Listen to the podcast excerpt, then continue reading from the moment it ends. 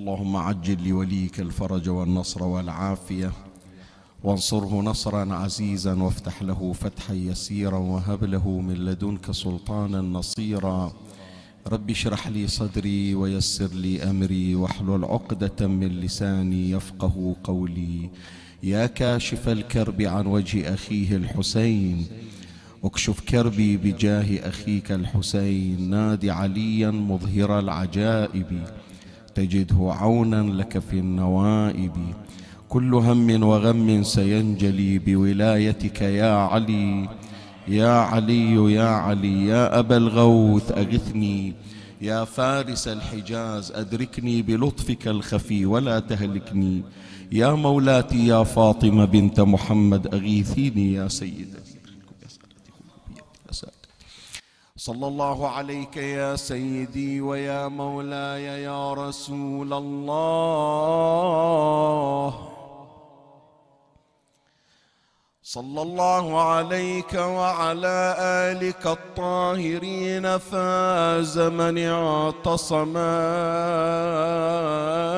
بكم. وأمنا من لجأ إليكم. يا ليتنا كنا معكم سعادتي فنفوز فوزا عظيما.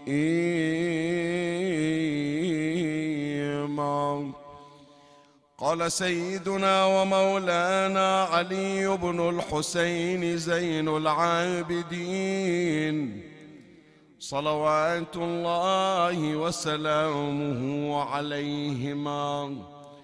أيها الناس أعطينا ستا وفضلنا بسبع. أعطينا العلم والحلم والسماحة والفصاحة والشجاعة والمحبة في قلوب المؤمنين وفضلنا بأن منا النبي المختار محمد.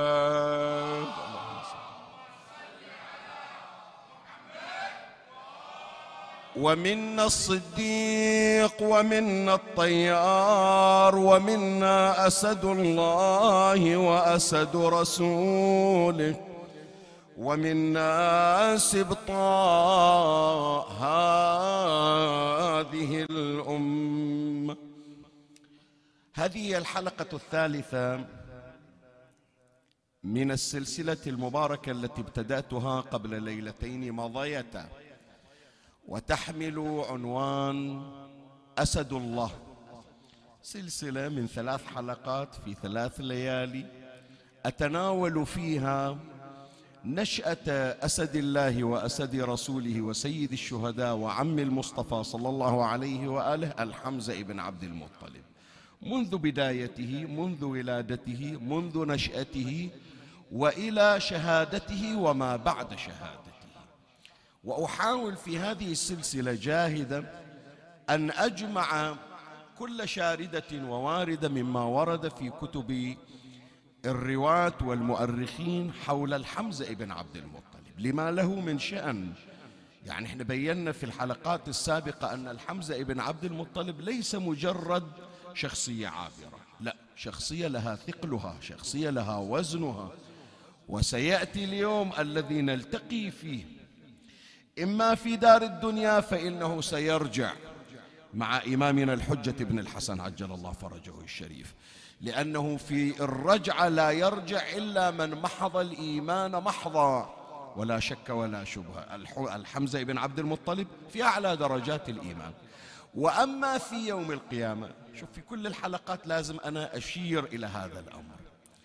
بعضهم قد يتصور بأنه الحمزة يوم القيامة إحنا ما راح نشوفه هو راح يؤخذ مباشرة إلى الجنة. إحنا يمكن راح نطول بالمحشر إلى أن يجيبونا إلى قصورنا في الجنة فقد لا نلتقي به. لا. الأخبار تشير إلى أن الحمزة ابن عبد المطلب هو شفيعنا في المحشر. إي نعم. وفي بعض الروايات أن أمير المؤمنين سلام الله عليه يناول عمه الحمزة رمحا ويقول يا عم هذا الرمح الذي كنت به تذود الأعداء عن وجه رسول الله صلى الله عليه وآله. فذد النار عن شيعتك. ذولا اللي يحبونك عشاقك اللي إذا راحوا يزورون النبي لابد يمرون عليك. اللي يقيمون عليك مجالس العزاء الذين لم ينسوك الذين سموا أولادهم باسمك الشريف. هذول لابد توقف إلهم لازم تحضر إلهم. فيأتي الحمزة في يوم القيامة ويتقدم المؤمنين وسنراه أمامنا إن شاء الله. وبيده الرمح فإذا رأى ألسنة النار قد خرجت من أسفل الصراط هكذا ورد يضرب النار برمحه فيبعدها الله تبارك وتعالى مسيرة خمسمائة عام كرامة للحمزة بن عبد المطلب عليه السلام.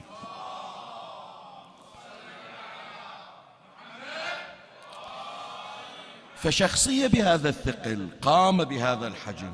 ضروري أنه تكون عندنا ثقافة واسعة عنها. ما نكتفي فقط والله أنه نعرف كيفية الشهادة وأنه تعرض إلى تمثيل في جثمانه المقدس حتى أنه جرى عليه ما لم يجري على غيره من استخراج كبده ومحاولة أكل الكبد نكاية.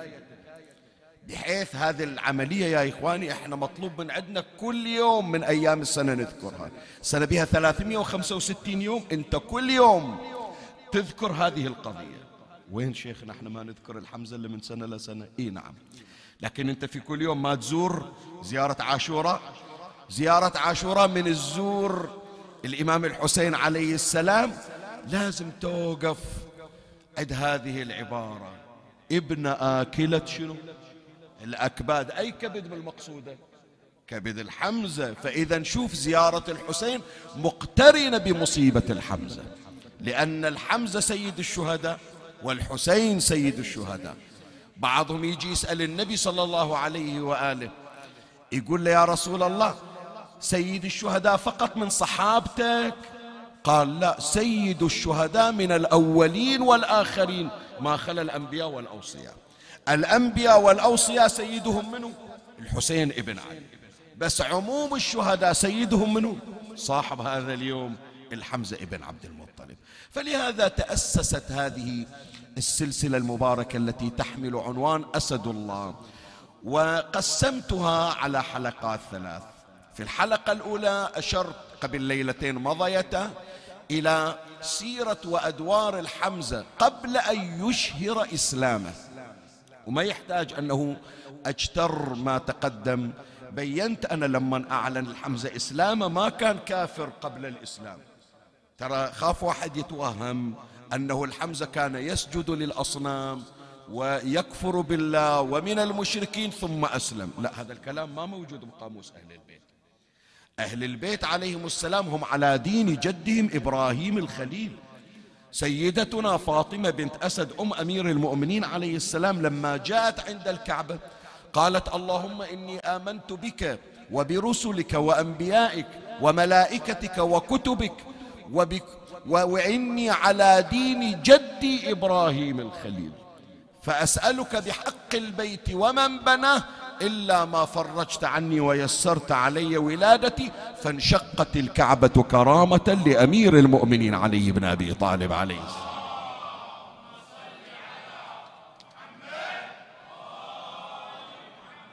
فإذا أهل البيت يا إخواني كلهم أهل إيمان من نمر على كلمة الإمام الحسين عليه السلام يوم العاشر من المحرم يأبى الله لنا ذلك ورسوله والمؤمنون وحجور طابت وأرحام طهرت. آبائنا كلهم آباء من أهل الإيمان من أهل الصلاح من أهل الاتصال بالله عز وجل. نعم يوم إجا الدين الإسلامي أعلنوا دخولهم في الإسلام يعني التحول من الحنفية دين إبراهيم إلى دين نبينا محمد صلى الله عليه وآله.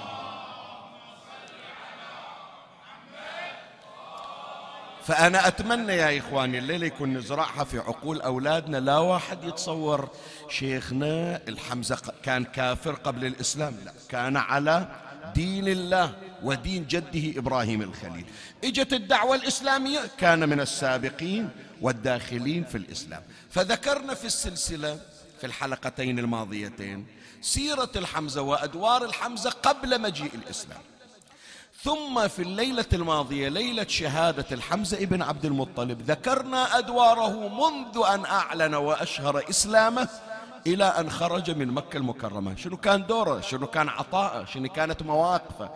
الليلة هذه أريد أذكر ما تبقى من سيرة الحمزة. من وصل إلى المدينة. ترى هي كلها يا جماعة ثلاث سنوات بقاها الحمزة في المدينة مو أكثر. إجا في السنة الأولى من الهجرة السنة الثانية من الهجرة صارت معركة بدر غزوة بدر. السنة الثالثة للهجرة صارت غزوة أحد وفيها استشهد الحمزة.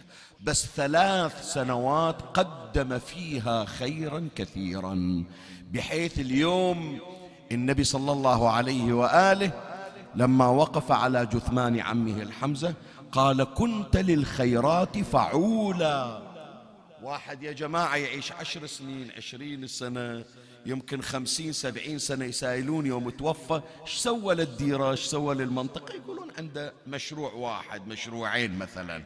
أو لا في هالخمسين سنة يجيبون مثلا مجموعة مشاريع وأعمال. ثلاث سنوات قضاها الحمزة النبي صلى الله عليه وآله يقول فعولا للخيرات. يعني كل لحظة من لحظات الحمزة كانت خيرات يقدمها للإسلام وللمسلمين. فإذا حديث هذه الليلة الحلقة الثالثة من سلسلة أسد الله نتكلم عن أدوار الحمزة ابن عبد المطلب من بعد الإسلام في المدينة المنورة. وسأشير إلى ثلاثة من الأدوار ومن الله أستمد العون والتوفيق ومن مولاي أبي الفضل العباس المدد وألتمس منكم الدعاء وثلاثا بأعلى الأصوات صلوا على محمد وآل محمد.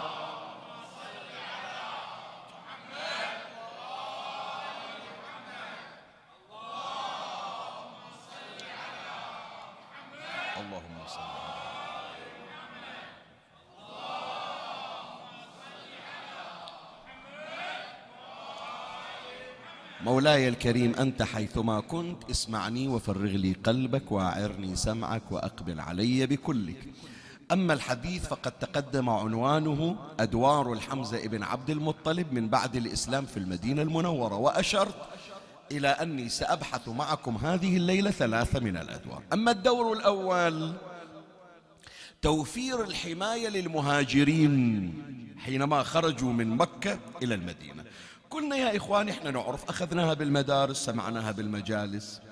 علمنا بأنه لما تسلط المشركون وتسلطت قريش على النبي صلى الله عليه وآله وعلى أصحابه. النبي صلى الله عليه وآله طلب من المسلمين المستضعفين ما يقدر يدافع عن نفسه. المضطهد قال لهم طلعوا إذا تبقون في مكة راح يأذونكم. راح تقتلون كثير من الأشخاص قتلوا. سمية بنت خياط أو بنت أو بنت حباط أم عمار ابن ياسر قتلوها في وضح النهار في الطريق مثلوا بجثمانها. ياسر ابن عامر أبو عمار ابن ياسر يحطون الصخور على صدره حتى يسمعوا تكسر أضلاعه من تحت الحجارة. قاموا يتفننون في التعذيب. تدري لو ما تدري خاف تتصور التعذيب بس مجرد ضرب بالصوت لا لا لا. لا شو يسوون؟ يسوون قميص من حديد. تصور شوف إلى أي درجة. قميص من حديد. ويلبسون هذا الشخص المستضعف ويخلونه بالشمس. أنت شايف شلون الشمس حارة خصوصا في مكة والمدينة في الجزيرة العربية.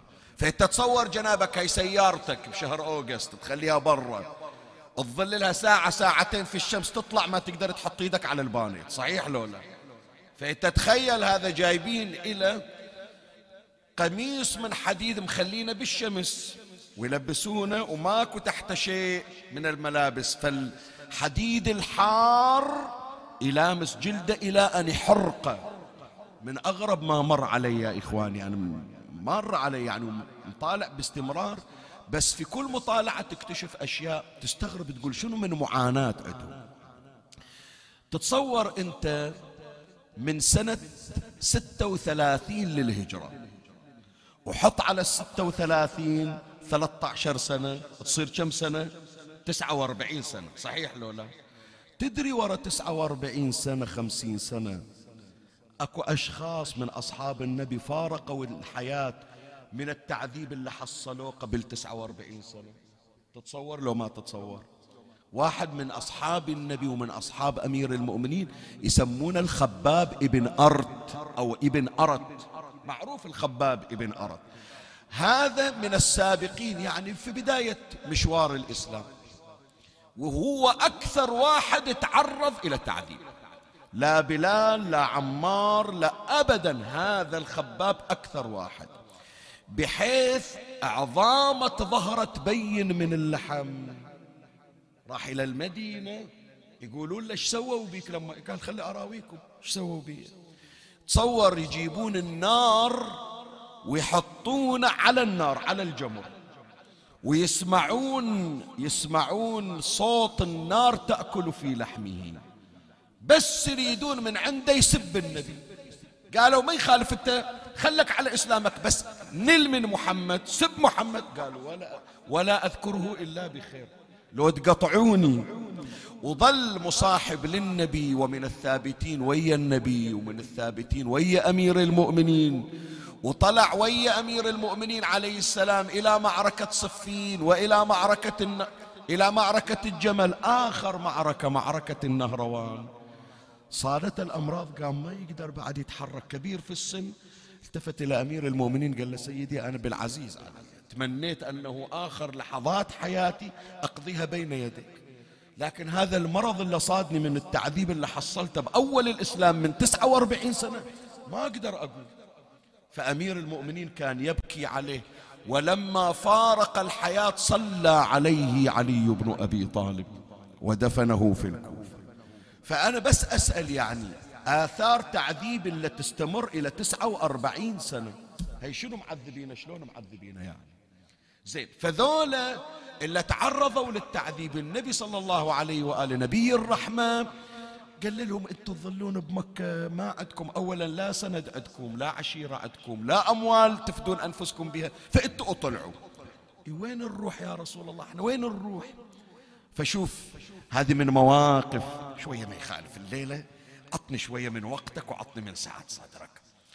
حتى تعرف دور أهل البيت عليهم السلام. أنت تقول لي شيخنا قاعد تتكلم؟ مو الليلة عن الحمزة. اي هذا ترى يعني الحمزة. النبي طلع فوج يهاجر من مكة. أول فوج يروح إلى الحبشة إلى إفريقيا. قالوا له يا رسول الله إحنا ما نعرف نتصرف في مكة. إحنا بمكة ما مأمونين. شلون نطلع على بلد لا نعرفه ولا يعرفنا؟ ثم ذولا بالحبشة ما ندري شنو حكيهم عربي غير عربي. زين يستقبلوننا ما يستقبلوننا نتعرض إلى أذى. قال ما أخليكم على راسلكم راح أطلع وياكم اللي يتكفل بشؤونكم. منو؟ فأخرج جعفر ابن أبي طالب. قال لذولا ثمانين شخص تطلع وياهم. وتتكفل بأمورهم إلى أن يوصلون بالسلامة ولا واحد يعتدي عليهم. زين يحتاجون أموال. هالمدة اللي قضوها احسب جنابك 13 سنة وحط عليها سبع سنين للهجرة عشرين سنة. منو اللي يصرف عليهم؟ من أموال من؟ خديجة بنت خويلد. أنفقت أموالها إلى رسول الله قالت صرف على المسلمين أنا ما أريد شيء. هذا شوف إحنا شلون نرجع ذكر خديجة. وتاليها صاحبة الثراء صاحبة الأموال ما عندها فراش تنام عليه. تنام على الحصير حتى أثر الحصير في جنبها. ليلة رحيلها بأبي وأمي تطلب من النبي تقول بس قميص من اللي تلبسهم. كنت تعطيني إياه حتى يسترني يوم القيامة إذا بعث. هذه اللي كانت من أثرى أثرياء العرب. زين أموالها وين راحت؟ بعضهم يقول شيخنا زين وين صرفت أموالها؟ بنت قصور النبي ما سكن في قصور وين راحت أموال خديجة؟ أموال خديجة راحت للمسلمين اللي هجرته اللي طلعوا مهاجرين. عاشوا في نعيم ببركة أموال خديجة. زين وفي حماية وأمن ببركات جعفر الطيار ابن أبي طالب. فلهذا يا إخواني جعفر يعادل رجوع جعفر مو جعفر رجوع جعفر يعادل قلع باب خيبر. النبي صلى الله عليه وآله لما قلع علي باب خيبر بنفس اليوم رجع جعفر بن أبي طالب. قال لا أدري بأيهما أسر أكثر بفتح خيبر أم بعودة جعفر. يعني رجعت عقب اللي سواه يعادل قلع علي بن أبي طالب لباب خيبر. زين الحمزة وين الآن دوره حكينا عن خديجة عن جعفر الحمزة وين دوره اجى دور الحمزة في الهجرة الثانية. زاد عدد المسلمين. في مكة المكرمة ما قدروا يعيشون بمكة. من الضغط من الجور من الظلم من الاضطهاد. فالنبي صلى الله عليه وآله قال مثل ما طلعنا فوج إلى الحبشة نطلع فوج آخر. الوين؟ إلى المدينة. زين من الذي خرج معهم؟ من اللي طلع وياهم وصلهم إلى المدينة؟ صاحب هذا اليوم الحمزة ابن عبد المطلب. فلهذا يا أحبائي أريدكم من تمر عليكم قضية تاريخية تسمعونها. صح هي منقوشة في القلب لكن فكر فيها تأمل فيها حتى تكتشف أسرارها. سؤال أنا أسأل يا جماعة. سؤال أسأل. واحد اللي راح يطلع مثلا يقعد سنة سنتين برا يدرس في الخارج. ما يأمن إلى سكن. صحيح لو لا؟ ما يرتب له سكن أول.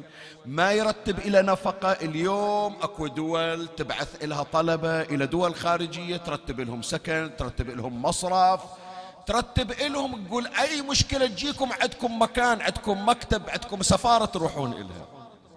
طيب ذولا اللي هاجروا يا جماعة من مكة إلى المدينة وين سكنوا؟ سؤال أسأل. ولا حد يتعرض إلى هالقضايا هذا اسمح لي يعني أقول لك بس هذا الواقع. نعم يذكرون هجرة المسلمين وأنهم, وأنهم هاجروا الهجرتين. طيب يوم هاجروا وين سكنوا؟ منو اللي كان يتكفل بشؤونهم؟ منو اللي كان يمثل المهاجرين؟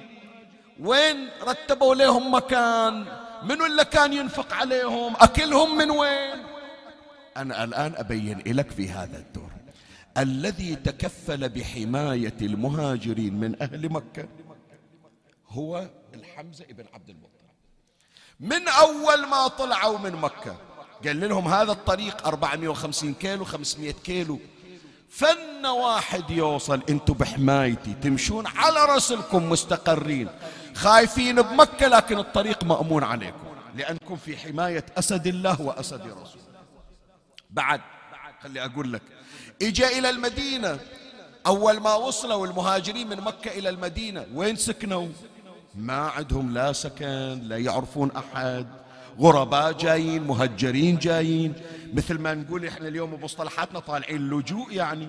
وين مدبر لهم سكن؟ منو اللي دبر لهم السكن وأمنهم الحمزة.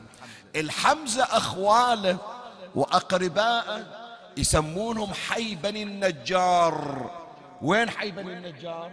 هذا مسجد قباء إذا رايح هناك مسجد قباء. هذه المنطقة يا إخواني كلها يسمونها حي بني إخوال النبي بهالمكان على الأرض فليتقل. فمو خايف الحمزة مو جبان. ولا ما عنده مكان هناك عنده خير. ضحى بكل ما لديه وآثر الغربة والهجرة من أجل بناء الإسلام ومن أجل تنفيذ أوامر نبينا محمد صلى الله عليه وآله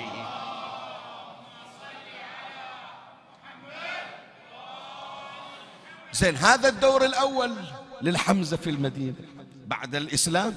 هذا واحد من أدواره وفر الحماية الكافية للمهاجرين من مكة إلى المدينة. خلنا نيجي إلى الدور الثاني.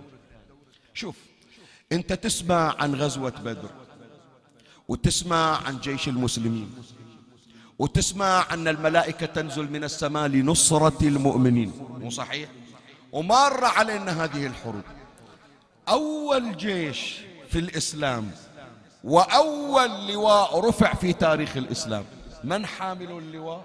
ومن صاحب أول جيش؟ الحمزة ابن عبد المطلب. أول ما تشكل جيش عسكري كان بقيادة الحمزة ابن عبد المطلب.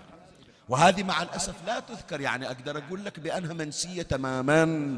الناس تتصور بأنه أول معركة معركة بدر أو غزوة بدر. مو صحيح؟ من تمر علينا مو يقولون هذه أول غزوة؟ زين خلي شوية ما يخالف على هامش البحث. مر عليكم بشهر رمضان يسمونها غزوة بدر الشنو؟ الكبرى. مو صحيح؟ مو هالشكل تسميتها غزوة بدر شنو؟ الكبرى. من يقولون كبرى يعني إيش موجود؟ يعني موجود صغرى. سامع أنت عن غزوة بدر الكبرى؟ الصغرى سامع عنها. زين سامع بأن بدر هي ثلاث حروب بدر الكبرى وبدر الصغرى وبدر الوسطى. ثلاث بدور مو بدر واحد. زين قبل هذا أيضا كانت هناك سرية. سرية يعني شنو؟ من تسمع سرية يعني كتيبة يدزها النبي النبي مو فيها. هي مهنتها إما للاستطلاع أو أنهم يحملون رسالة. أي كتيبة تطلع النبي مو بها يسمونها سرية. أول جيش كان تعداده ثلاثين نسمة.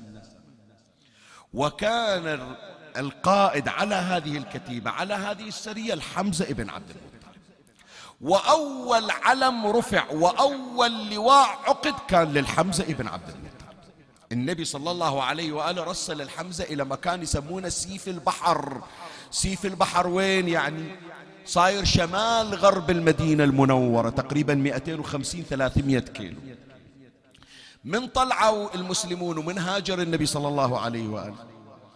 ذول الموجودين بمكة أو باش حشاكم. لا شرف عندهم لا ناموس لا ذمة. إيه حقك يعني. أنا أقول لك هذا اللي يعذب مرة شريفة في الطريق ويهتك سترها. هذا بعد يدير باله على أموال الناس لو يسرق نهاب يصير. أو باش ذولا حشاكم.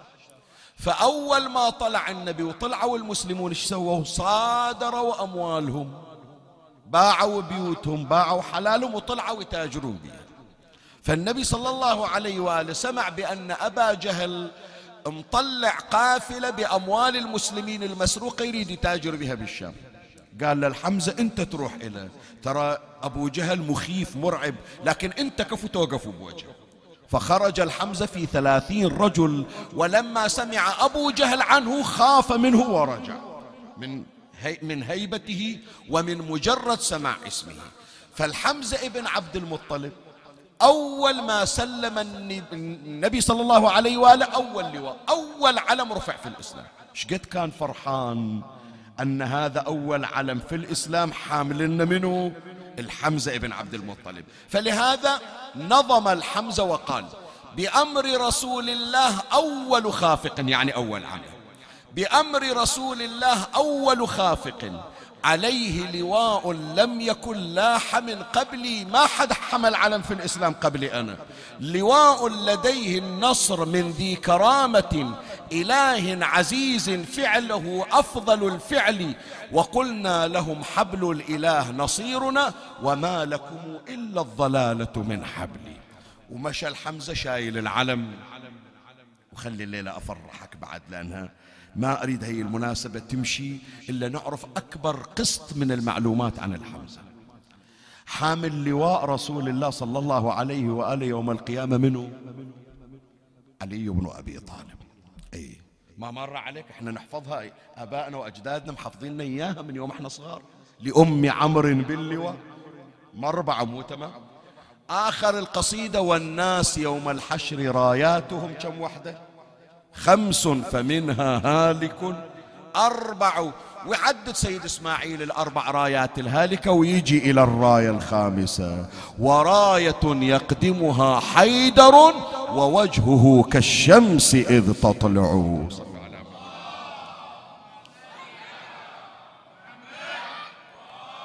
فأمير المؤمنين حامل لواء النبي يوم القيامة. زين الحمزة أول واحد شال اللواء في الإسلام. شلون يسحبون من عند اللواء يوم القيامة؟ حتى لو علي راح يشيل اللواء.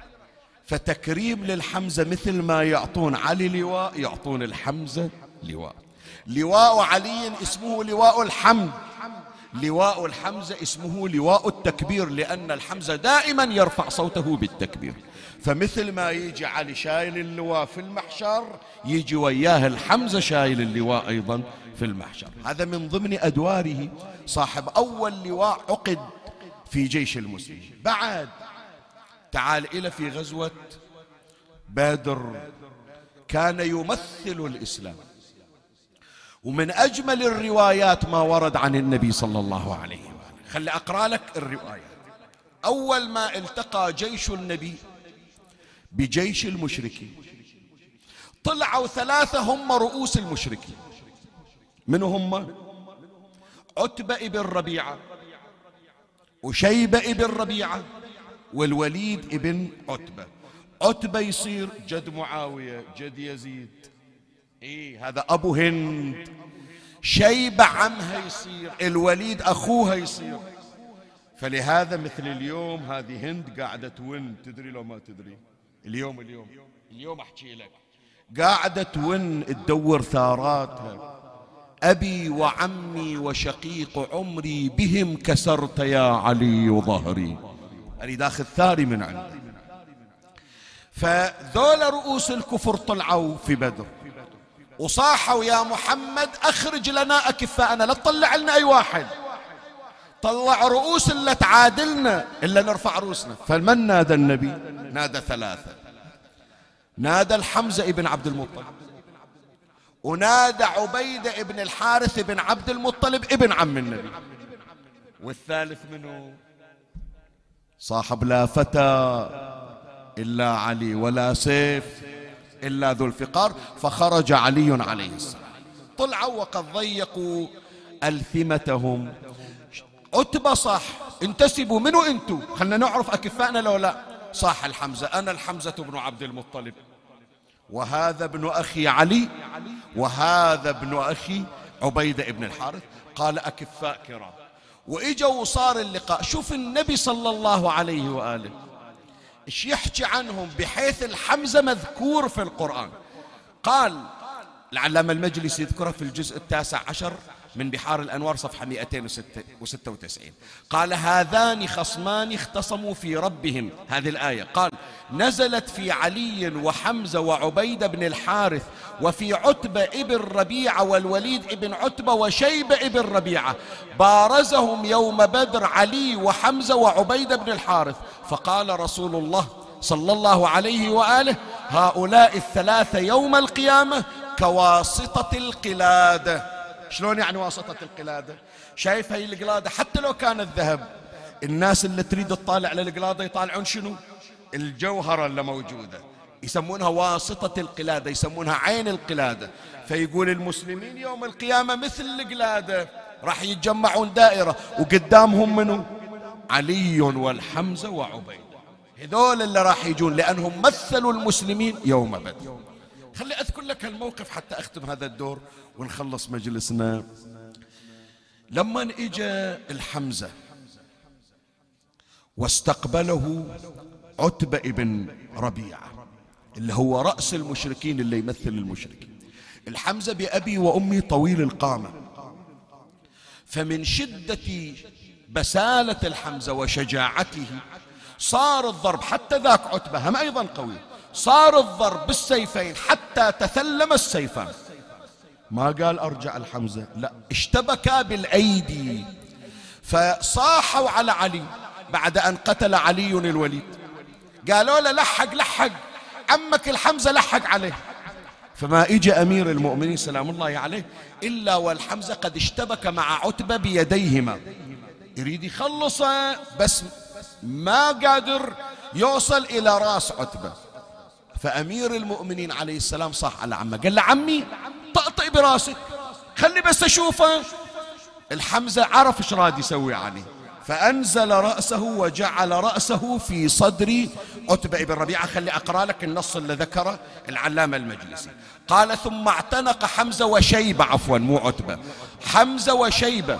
فقال المسلمون يا علي أما ترى هذا الكلب يهر عمك فحمل علي عليه السلام ثم قال يا عم طأطئ رأسك. وكان حمزة أطول من شيبة فأدخل حمزة رأسه في صدره فضربه علي فطرح نصفه يعني ما ضرب على رأسه ضرب ضربة على جسده فانقطع جسد شيبة ابن ربيعة قطعتين بسيف علي بن أبي طالب عليه السلام.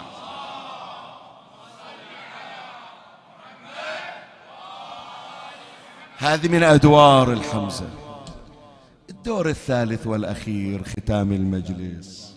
إيه الليلة سبحان الله يعني نور الزهراء موجود عندنا بالمجلس.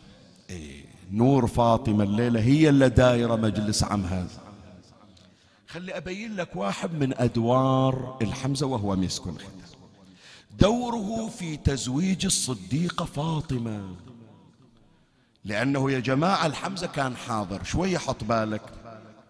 إحنا عندنا أكثر من رواية تشير إلى موعد زواج الزهراء وزفاف الزهراء. إحنا متى عادة نحيي؟ يمكن أخواتنا الآن يسمعونا أمهاتنا. زواج النورين متى يصير؟ في ذو الحجة. مو صحيح؟ واحد ذو الحجة. بينما اليوم 15 شوال غزوة أحد ومقتل الحمزة. أكو روايات؟ لا. أكو روايات تشير إلى أن زواج الزهراء عليها السلام كان في حياة عمها الحمزة. ولما زفت فاطمة على أمير المؤمنين الذي تولى عملية الزفاف منه عمها الحمزة. فلهذا العلامة المجلسي يذكر تتصور فاطمة غريبه مطالعه مهجره من مكة إلى المدينة. وتعرف هذه الغريبة في البلاد الغريبة. يصير خاطرها مكسور ترى. فكأنما الحمزة حس بهذه الحسرة الموجودة في قلب النبي وفي قلب الزهرة التفت الحمزة إلى أسرته. عقيل بن أبي طالب موجود. العباس بن عبد المطلب موجود. كل واحد من بني هاشم موجود. قال لهم تعالوا أريد من عندكم شيء. آمر يا أسد الله شو تريد قال فاطمة بيحطونها بالهودج وبتمشي مزفوفة إلى علي على بغلة رسول الله الشهباء وإحنا تعرفون طالعين من مكة وجايين المدينة. خاف واحد من المدينة يقول شوفوا هالغريبة اللي يزفونها ما عندها والي لا ما نرضى. زين شو نسوي؟ قال أريد من عندكم تحدقون ببغلة فاطمة. وكل واحد عنده سيف يجرد سيفه.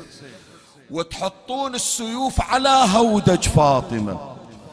حتى اللي يشوف الزهرة تمشي لا يقول ما عندها والي عندها ناس تدافع عنها وأنا أول المدافع. عمي ليش تبكي؟ ليش؟ وين راح قلبك تراها؟ قلت هالعزيزة هالغالية هذه منو يتجرى عليها وعدها الحمزة؟ تعال يا حمزة تعال شوفها ورا الباب تصيح. آه يا لو سيفك موجود على الباب ما واحد ادنا لها يريد يبين لهم الحمزة شقد عزيزة فاطمة فلهذا ظلت مهابة حتى مضى أبوها. إي والله ومشوها أم حسين تحت ظلال السيوف واللي يحرسها الحمزة. إجا النبي صلى الله عليه وآله. إلى عم الحمزة قال له عمي قال له نعم. قال نريد نسوي ضيفة إلى فاطمة. زافينها نريد نسوي لها ضيفة. وليمة نريد أهل المدينة يحضرون. قال له يا رسول الله تقعد ويا بنتك ويا ابن أخ ابن عمك. وأنا وأخويا العباس نوقف على الباب. إحنا ندخل لضيوف ياكلون من زاد فاطمة. وبقي حمزة والعباس على الباب. ويدخلون المسلمين عشرة عشرة يأكلون من وليمة فاطمة. ويخدمها الحمزة ثلاثة أيام. لم نهاية الثلاثة أيام النبي سائل الحمزة يقول له عم كم واحد أكل؟ قال كل أهل المدينة أكلوا من زاد فاطمة. إيعاد واقف على الباب قال تستاهل أم حسين اللي يخدمها. هي عزيزة بنت عزيز هي المدللة إذا ما أوقف إلها منو اللي يوقف إلها؟ لهذا تدري اليوم الزهرة إيش صار بها على عمها لو ما تدري؟ خلاص عمي مجلس انتهى بعد. تدري اليوم فاطمة اللي طلعت في ظلال سيف عمها الحمزة ولا واقف الحمزة يخدم على المسلمين على وليمة فاطمة. ويوم سمعت فاطمة بأن عمها أصيب. خرجت فاطمة من دارها حافية القدمين. شايف هذه المسافة من مسجد النبي إلى قبر الحمزة. طلعت هي وعمتها صفية عمة قومي عمي ما أدري إيش صاير بي. وذكرني خروج فاطمة للحمزة خروج سكينة لعمها أبي الفضل. الزمن هو الزمن والمصيبة هي المصيبة. وإجت صفية تصيح وأخاه والزهراء تصيح وعمه. والنبي بأبي وأمي واقف على ذيك الجنازة. أي جنازة عمي؟ أي جنازة؟ لا عينين لا أنف لا أذن لا أصابع مشقوقة البطن. واقف يبكي على جسد الحمزة وإذا الصوت صوت النسوان تنعي. صفية من صوب فاطمة من صوب وقف النبي على طوله. قال له علي؟ قال له لبيك يا رسول الله. قال انت روح لفاطمة أنا أروح لصفية. أنا أروح لعمتي انت تروح إلى زوجتك. لا تخليهم يوصلون للجنازة. هذه اخته جاية شايفة اخوها ممدود شي يصير بحاله؟ اليوم ما ادفن جنازة ادفن جنايز. عمي أشوف دموعك اسمع صوتك. بس والله ولو ان الحمزة غالي على قلبك ادري قلبك مو بالمدينة لا كأن عندك حكاية ويا رسول الله. تريد تقول له يا رسول الله خفت على هالنسوان يشوفون جنازة. ما حضرت كربلاء عند سبعين جنازة.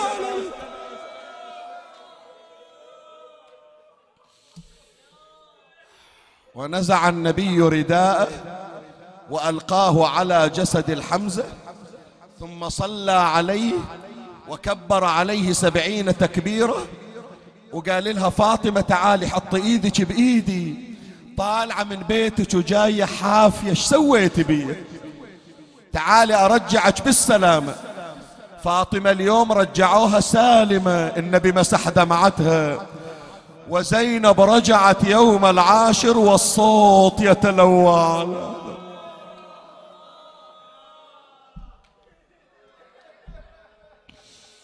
دخيلك مولاتي فاطمة. شفتي هذا المجلس من أول التالي.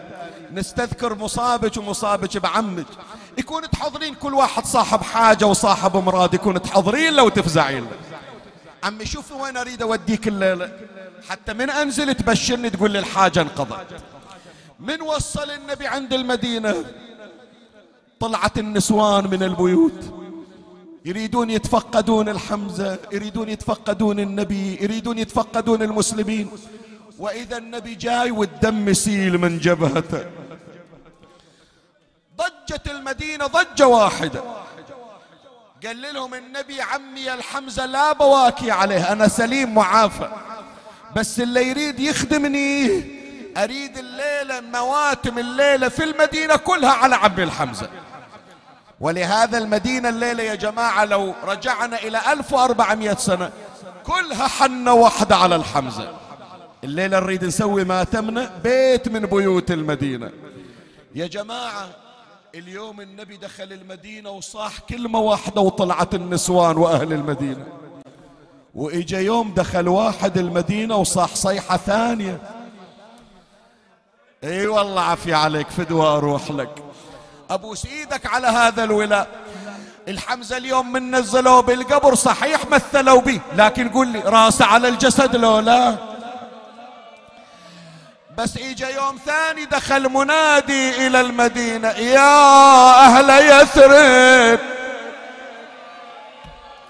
لا مقايم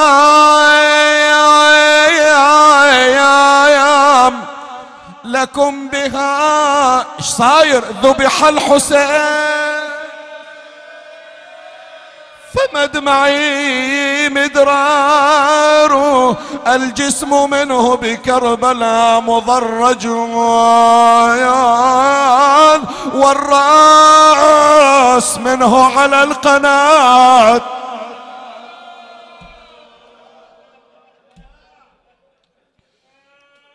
خل هونة البحرين نقراها. خلها ونة البحرين نقراها أريد الشباب أسمع أصواتهم الليلة. هذه المدينة مقوضة للبر كلها. وهالنسوة اللي تنوح مدري رايح لها. ذي تجذب الونة وذي تسحب طفل. واسمع حريم تصيح وفجعة الشباب ولا كشفوا خبرهم ذوبتني ضجة النار هذا يدق صدره وهذا مدري انذبح الاكبر عليه لا راح. وما أدري من اللي فاقدين. شبول عدنا؟ ولا صاحوا على حس البواكي شابح العين ما يصير هالضجة على واحد. البيت عليك إن صدق ظني هالبكي كله وإن كان راح حسين ووحشتها الاوطان شو سويتوا من ضجة بهالمجلس؟ شو سويتوا من حنة بهالمجلس؟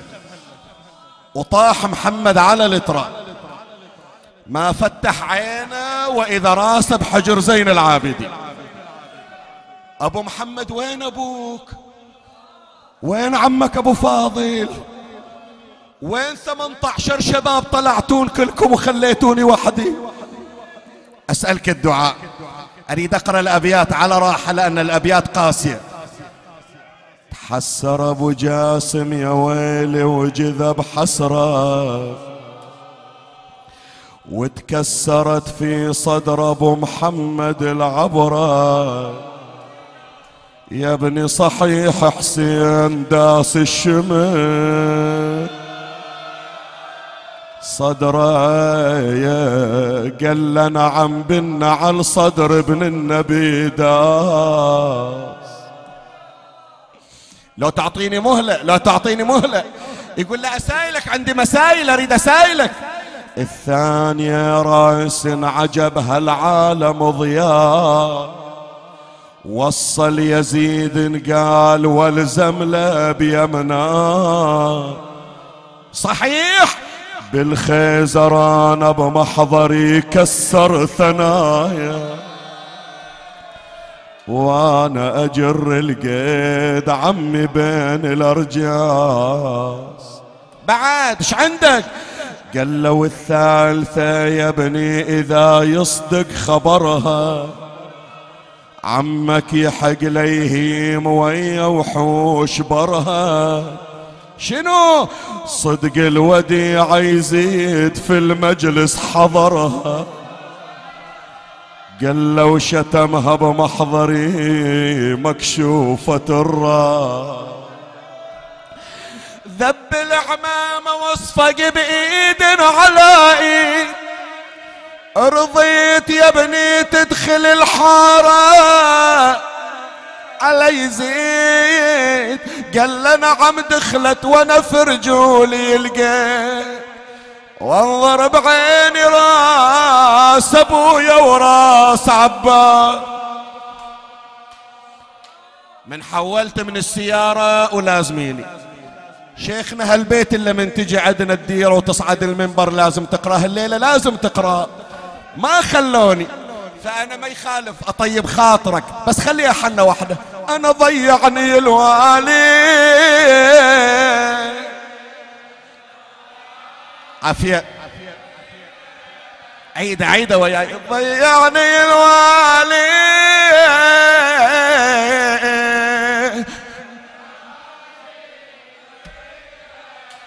لا أهل عندي ولا بلد.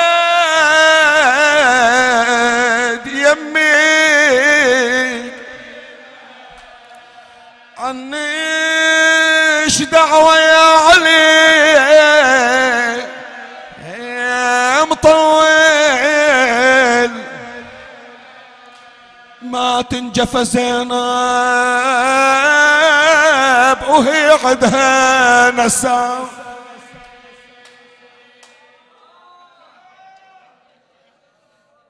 ذبحوها زينب في كربلاء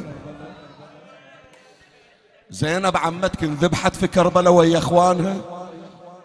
قال لا يا عمي رجعت. وين هي أختي؟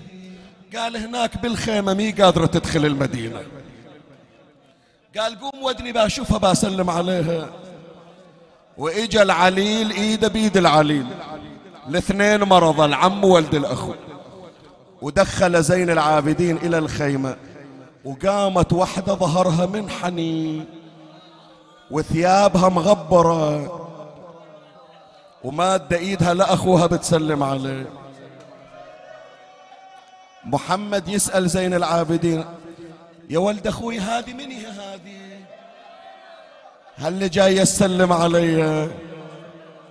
قال ما عرفتها أنت جاي تريد تسلم عليها قال زينب الهاشمية. أي هاشمية بعد؟ زينب المسبية يا أبو جاسم. دلالي دلالي على الخد يا دمع عيني. دلالي دلالي من الون انفطر مني. دلالي زينب تقول أنا الكان يتوصف. دلالي سادة. واحد أشر الواحد علي. أي واحد أشر الواحد.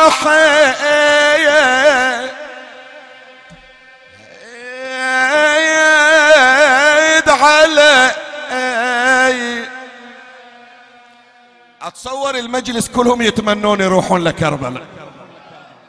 راح أقرأ بيت بنية يجي اليوم اللي نقراه بصحن الحسين. هذا كنت أقراه بالأربعين هناك بكربلاء. شقد ضجة وحنبي. زينب تحكي لمحمد. اسمع شو تقول له. لمحجار. لمحجار مثل لمح البصر دهري. لمحجار وأنا ما حد نظر طولي. لمحجار أريد الغيور يتأمل بالبيت. زينب تقول كل واحد يطالعني لم حجار. ليش لم حجارة سايلك؟ ليش؟ كل واحد يطالعني لم حجاير أدافعهم ومجتوف ايدي إي أنا ادافعهم ومجتوف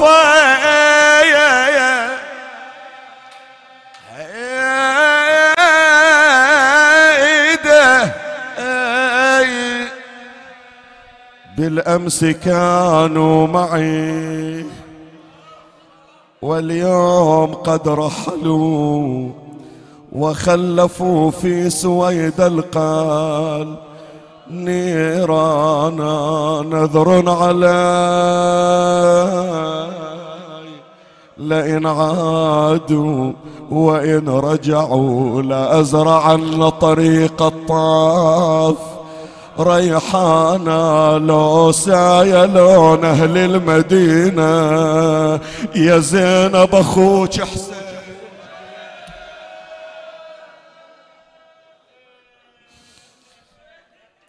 اللهم صل على محمد وآل محمد. يا قاضي الحاجات يا مجيب الدعوات يا سامع الشكايات اسمع لنا واستجب يا الله. إلهي بجاه بأسد الله وأسد رسوله.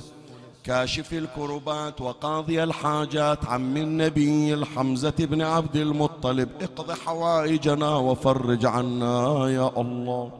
تفضل على المرضى المنظورين بالشفاء والعافية. سيما من سألنا لأجلهم الدعاء. ترحم يا ربي على المرحوم ناصر حسن الحسني وخادم الإمام الحسين الحاج أحمد حبيل وابنته رباب وسائر موتى المؤمنين والمؤمنات. عجل اللهم فرج إمامنا صاحب العصر والزمان.